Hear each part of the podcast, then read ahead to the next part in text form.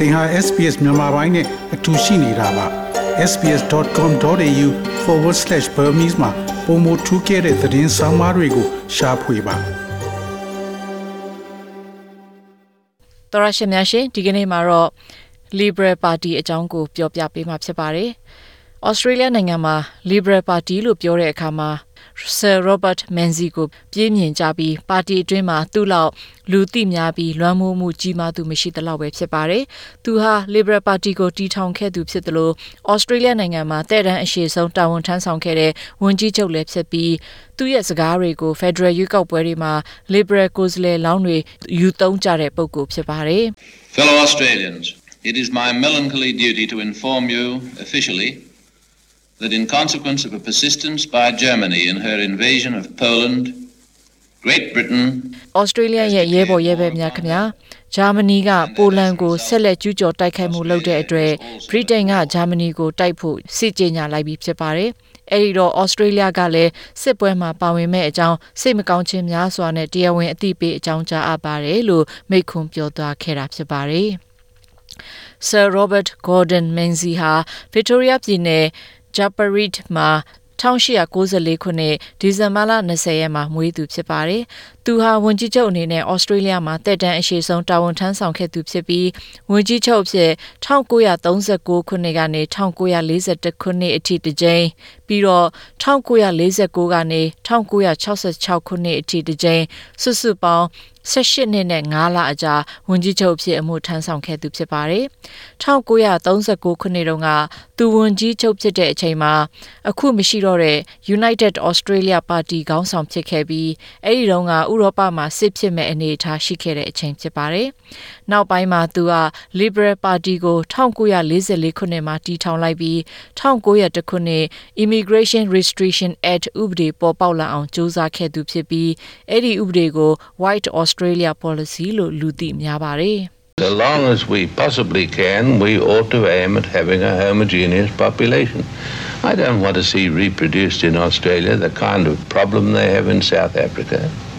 Or in America ကျွန်တော်တို့တွေတတ်နိုင်တဲ့လောက်လူဦးရေအတွင်းမှာမျိုးသူတွေဖြစ်အောင်လုံနိုင်တဲ့လောက်ကိုလှုပ်ဖို့ရည်ရွယ်ကြရမှာဖြစ်ပါတယ်။တောင်အာဖရိကအမေရိကနဲ့ဗြိတိန်မှာဖြစ်နေတဲ့လူမျိုးရေးဆိုင်ရာလှုပ်ရှားမှုတွေဩစတြေးလျမှာဖြစ်လာတာမျိုးကျွန်တော်တို့မလိုလားကြပါဘူး။အဲ့ဒီ policy ကကောင်းမွန်ပြီးကျွန်တော်တို့အတွက်တန်ဖိုးရှိတယ်လို့ကျွန်တော်အနေနဲ့မြင်တဲ့အကြောင်းပြောသွားခဲ့တာဖြစ်ပါတယ်။ Liberal Party မှာနောက်ထပ်လွှမ်းမိုးမှုကြီးမားသူကတော့ Malcolm Fraser ဖြစ်ပြီးသူဟာ1985ခုနှစ်ကနေ1983ခုနှစ်အထိဝန်ကြီးချုပ်အဖြစ်ထမ်းဆောင်ခဲ့သူဖြစ်ပါတယ်။ 1985ခုနှစ်အောက်တိုဘာလနဲ့နိုဝင်ဘာလမှာ Labor Party ဝန်ကြီးချုပ် Gough Whitlam ကလွှတ်တော်မှာဘတ်ဂျက်တင်သွင်းမဲ့ကိစ္စကိုအောင်မြင်စွာဟန့်တားနိုင်ခဲ့သူဖြစ်ပြီးအဲ့ဒီလောက်ရကြောင်းဘရင်ခံချုပ် Sir John Kerr ကဝန်ကြီးချုပ် Mr. Whitlam ကိုဝန်ကြီးချုပ်ရာထူးကနေဖယ်ရှားလိုက်ပြီးနိုဝင်ဘာလ17ရက်နေ့မှာ Mr. Fraser ကို ယာယီဝန်ကြီးချုပ်အဖြစ်ခန့်အပ်လိုက်တဲ့နာမည်ဆိုးနဲ့ကြံရစ်တဲ့နိုင်ငံရေးသမိုင်းတစ်ခုဖြစ်ပေါ်ခဲ့ပါတယ်။ There will now be an election as the constitution requires. The great defense of our democracy is that the constitution must be upheld ဖွဲ့စည်းအုပ်ချုပ်ပုံခြေခံဥပဒေအရမကြခင်ရွေးကောက်ပွဲကျင်းပတော့မှာဖြစ်ပါတယ်ဖွဲ့စည်းပုံကိုလိုက်နာခြင်းဟာဒီမိုကရေစီကိုအကောင်းဆုံးကာကွယ်ခြင်းဖြစ်ပါတယ်ဩစတြေးလျနိုင်ငံသားတွေမိမိရဲ့အမြင်သဘောထားကိုထုတ်ဖော်ခွင့်ရမှာဖြစ်ပြီးသူတို့ရဲ့ရွေးချယ်မှုကိုမဲစာရွက်မှာမြင်ရမယ်လို့ပြောသွားခဲ့တာဖြစ်ပါတယ်အဲ့ဒီရွေးကောက်ပွဲမှာမစ္စတာဖရေးဇာအပြတ်အသတ်အနိုင်ရရှိခဲ့ပါတယ်။ မစ္စတာဖရေးဇာဟာစီးပွားရေးနဲ့ပတ်သက်ရင်သမားရိုးကျအမြင်ကိုကင်ဆယ်ထားပေမဲ့လူမှုရေးမှာတော့ခေရှိပြေးသူဖြစ်ခဲ့ပါတယ်။သူဦးဆောင်တဲ့အစိုးရဟာ Labor Party ကစတင်ခဲ့တဲ့ Family Court လိုအရာကိုရှေ့ဆက်အကောင့်ထဲဖော်ခဲ့တယ်လို့ Special Broadcasting Service SBS ကိုလည်းတီထောင်ပြီး Great Barrier Reef တန်တန်ကြောက်တန်းကိုလည်းအနာဝဥယျာဉ်အဖြစ်သတ်မှတ်ပေးခဲ့ပါတယ်။ ဩစတြေးလျနိုင်ငံမှာဝန်ကြီးချုပ်အဖြစ်ဒုတိယသက်တမ်းအရှိဆုံးအမှုထမ်းဆောင်ခဲ့သူကတော့ Labor Party ခေါင်းဆောင်ဟောင်း John Howard ပဲဖြစ်ပါတယ်။သူဟာ1999ခုနှစ်ကနေ2009ခုနှစ်အထိဝန်ကြီးချုပ်ဖြစ်ခဲ့ပြီး Port Arthur မှာတနက်ပြစ်ခတ်မှုဖြစ်ပေါ်ပြီးတဲ့နောက်တနက်ကင်ခွင့်ဥပဒေကိုတင်းကျပ်လိုက်သလို Aboriginal and Torres Strait Islander Commission ကိုပယ်ဖျက်လိုက်ပြီးပြည်ပနိုင်ငံကနေလှေနဲ့ဝင်ရောက်သူတွေကို လူဝင်မှုထိန်းသိမ်းရေးစခန်းမှာထားပြီးစစ်စစ်တဲ့စနစ်ကိုတည်ထောင်ခဲ့သူလည်းဖြစ်ပါတယ် It's about this nation saying to the world We are a generous, open hearted people, taking more refugees on a per capita basis than any nation except Canada. We have a proud record of welcoming people from 140 different nations. ဒီလိုလှုပ်ဆောင်ရတာကတော့ဩစတြေးလျအနေနဲ့ရေရောမှုတော့ရှိတယ်ဒုက္ခသည်တွေကိုလက်ဆင့်ကမ်းကြိုးဆိုလို့ကမ္ဘာမှာကနေဒါနိုင်ငံပြီးရင်ဒုက္ခသည်တွေကိုအချိုးကျလိုက်ဒုတိယအများဆုံးလက်ခံတဲ့နိုင်ငံဖြစ်တဲ့အကြောင်းကမ္ဘာကိုအသိပေးလိုက်ခြင်းပဲဖြစ်ပါတယ်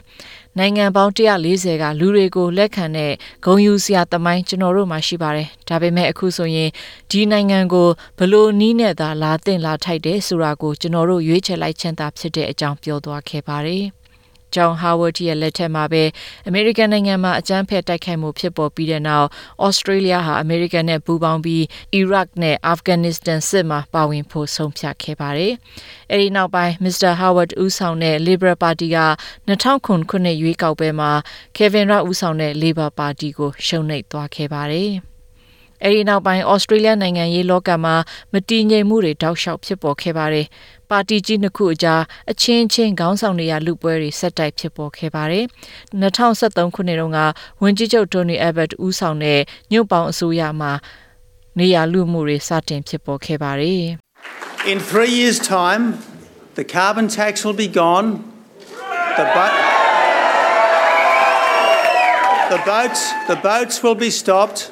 သုံးနှစ်အတွင်းညဉ့်ညမ်းကာဗွန်ဓာတ်ငွေအတွက်အခွန်ရှိတော့မှာမဟုတ်ပါဘူး။ဝင်လာတဲ့လှေတွေကိုရပ်တန့်ပစ်လိုက်မယ်။ဘတ်ဂျက်မှာလည်းအပိုငွေတွေပြမယ်အနေထားရှိနေပြီ။လမ်းမတွေဟာလည်း21ရာစုလမ်းမတွေလိုဖြစ်နေမယ်လို့ပြောဆိုခဲ့တဲ့အချိန်ဖြစ်ပါတယ်။ဒါပေမဲ့အဲ့ဒီလိုပြောဆိုပြီးမကြခင်မှာပဲ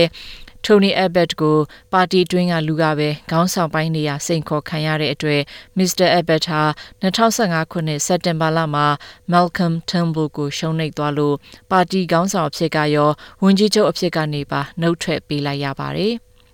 ဒါပေမဲ့ယာတူရလာတဲ့မစ္စတာတမ်ဘိုကရိုင်ဟာလည်း2018ခုနှစ်ဩဂုတ်လမှာစိန်ခေါ်ခံရလို့ပါတီခေါင်းဆောင်နေရအနေနဲ့ရောဝန်ကြီးချုပ်အဖြစ်ကနေပါနှုတ်ထွက်ပေးလိုက်ရပြန်ပါတယ် Australians will be just dumbstruck and so appalled by the conduct uh, of the last week.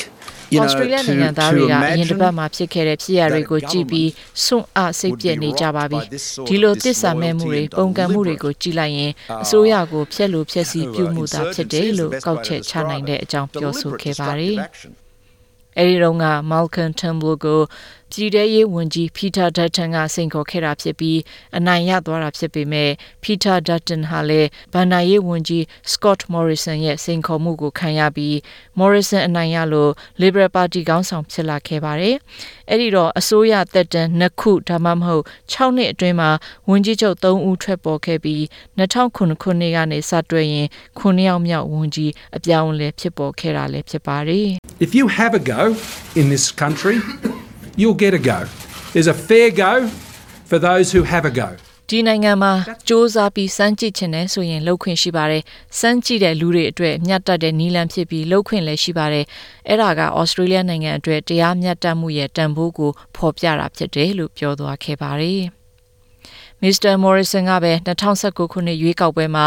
Labor Party လက်ထက်ကနေအာဏာရအောင်စွမ်းဆောင်နိုင်ခဲ့လို့အခုအချိန်ထိဝန်ကြီးချုပ်အဖြစ်တာဝန်ထမ်းဆောင်နေဆဲဖြစ်ပါတယ်။အဲဒီတုန်းက Bill Shorten ဦးဆောင်တဲ့ Labor Party ကသာအနိုင်ရမယ်လို့စစ်တမ်းတွေဟောကိန်းတွေတောက်လျှောက်ထွက်ပေါ်ခဲ့ပေမဲ့လူတွေအံ့အားသင်ရလောက်အောင် Liberal Party ကအနိုင်ရသွားလို့ Mr. Morrison အတွက်အောင်ပွဲဖြစ်ခဲ့ပါတယ်။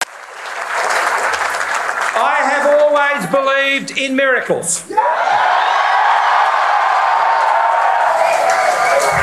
And tonight we've been delivered another one. ကျွန်တော်ကတော့ဘုံအာနုဘော်ကိုအမြဲတမ်းယုံကြည်သူဖြစ်ပါတယ်ဒီညမှာတော့ကျွန်တော်တို့နောက်တစ်ခုမြင်တွေ့လိုက်ကြရတာပါပဲဩစတြေးလျကကောင်းမွန်လွန်းပါတယ်လို့အနိုင်ရကြောင်းသိရတဲ့အခါမှာပြောသွားခဲ့တာပဲဖြစ်ပါတယ်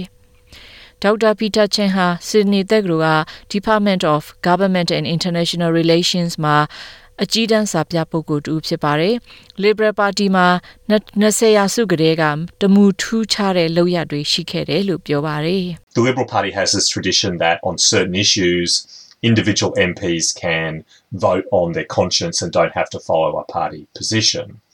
So that is a way that they've managed that fragility, that tension. တချို့ကိစ္စရတွေမှာဆိုရင် Liberal Party မှာလွှတ်တော်အမတ်တွေအနေနဲ့ပါတီရဲ့အနေအထားကိုကြည့်စရာမလိုပဲမိမိရဲ့စိတ်နေသဘောထားအတိုင်းမဲပေးပိုင်ခွင့်ရှိတဲ့ရိုးရာကိုကျင့်သုံးမှုရှိပါတယ်။အဲ့ဒီလိုရိုးရာကသူတို့အတွင်းမှာရှိတဲ့ထိလွယ်ရှလွယ်မှုတွေနဲ့တင်းမာမှုတွေကိုကောင်းမွန်စွာစီမံကင်တွယ်တတ်မှုဖြစ်စေပါတယ်။ဒါပေမဲ့တခါတည်းပါတီအတွင်းမှာ social conservative နဲ့ moderate ဖြစ်သူတွေအကြားကွာဟမှုတွေကြီးလွန်းလို့ကျွန်တော်တို့မြင်ရတဲ့ပောက်ကွဲမှုမျိုးဖြစ်ပေါ်လာပြီးသတိပုတ်ကလလွှတ်တော်အမတ်ဖြစ်တဲ့ Sally Stegel လိုလူတွေထွက်ပေါ်လာပါတယ်။တကယ်ဆိုအဲ့ဒီလိုလူတွေဟာ Liberal Party ထဲမှာပဲရှိနေသင့်ပြီး progressive liberals အနေနဲ့ပါဝင်သင့်ပေမဲ့အဲ့ဒီလိုမသိမြမှုတွေရှိနေပြီးရာသီဥတုပြောင်းလဲရေးကိစ္စမှာဆိုရင်လည်းအမြင်မတူးမှုတွေကြီးမားနေတယ်လို့ထောက်ပြခဲ့ပါတယ်။ ဒေါက်တာချန်က Liberal Party အတွင်းမှာကွဲပြားမှုတွေရှိပေမဲ့ပါတီစတီထောင်ခဲ့တဲ့1994ခုနှစ်ကစပြီးကွဲပြားမှုတွေကိုကောင်းမွန်စွာကင်တွယ်မှုလုပ်နိုင်ခဲ့တယ်လို့ဆိုပါတယ်။ပြဿနာတွေကရှိနေမှာဖြစ်ပေမဲ့ခေါင်းဆောင်ပိုင်းကြောင့်ကွဲပြားမှုတွေရှိနေတဲ့အတွက်အဲ့ဒါကိုကင်တွယ်တဲ့တယ်လို့ပြောပါတယ်။ One of the, the things that's been getting a lot of coverage recently is obviously attacks on the um, the integrity and honesty and, and behaviour of the Prime Minister. And we do live in a what we sometimes call a presidentialized မကြသေးခင်တုန်းကသတင်းမီဒီယာတွေမှာဖော်ပြပြီးတော့တိုက်ခိုက်မှုအခမ်းအနားဆုံးကတော့ဝင်ကြီးချုပ်ရဲ့အပြုအမူအကျင့်စရိတ်ထနဲ့တမာတိနဲ့ယူသားမှုအကြောင်းပဲဖြစ်ပါတယ်။အခါတလေကျရင်ကျွန်တော်တို့ကသမရစနစ်မှာနေထိုင်သလားလို့တော့အောက်မေ့ရမလို့တော့ဖြစ်နေပါတယ်။တကယ်တော့ကျွန်တော်တို့မှာသမရစနစ်ဆိုတာမရှိဘဲဝင်ကြီးချုပ်စနစ်သာရှိပါတယ်။ဒါပေမဲ့ဝင်ကြီးချုပ်ကလွန်ခဲ့တဲ့ဆယ်စုနှစ်တွေအတွင်းဝင်ကြီးချုပ်ဟာနိုင်ငံရေးအခင်းအကျင်းမှာ အကြောင်းမျိုးမျိုးကြောင့်အရေးကြီးတဲ့ပုံကိုဖြစ်လာနေပါတယ်။အဲဒီတော့ခေါင်းဆောင်ကိုထိုးနေတာ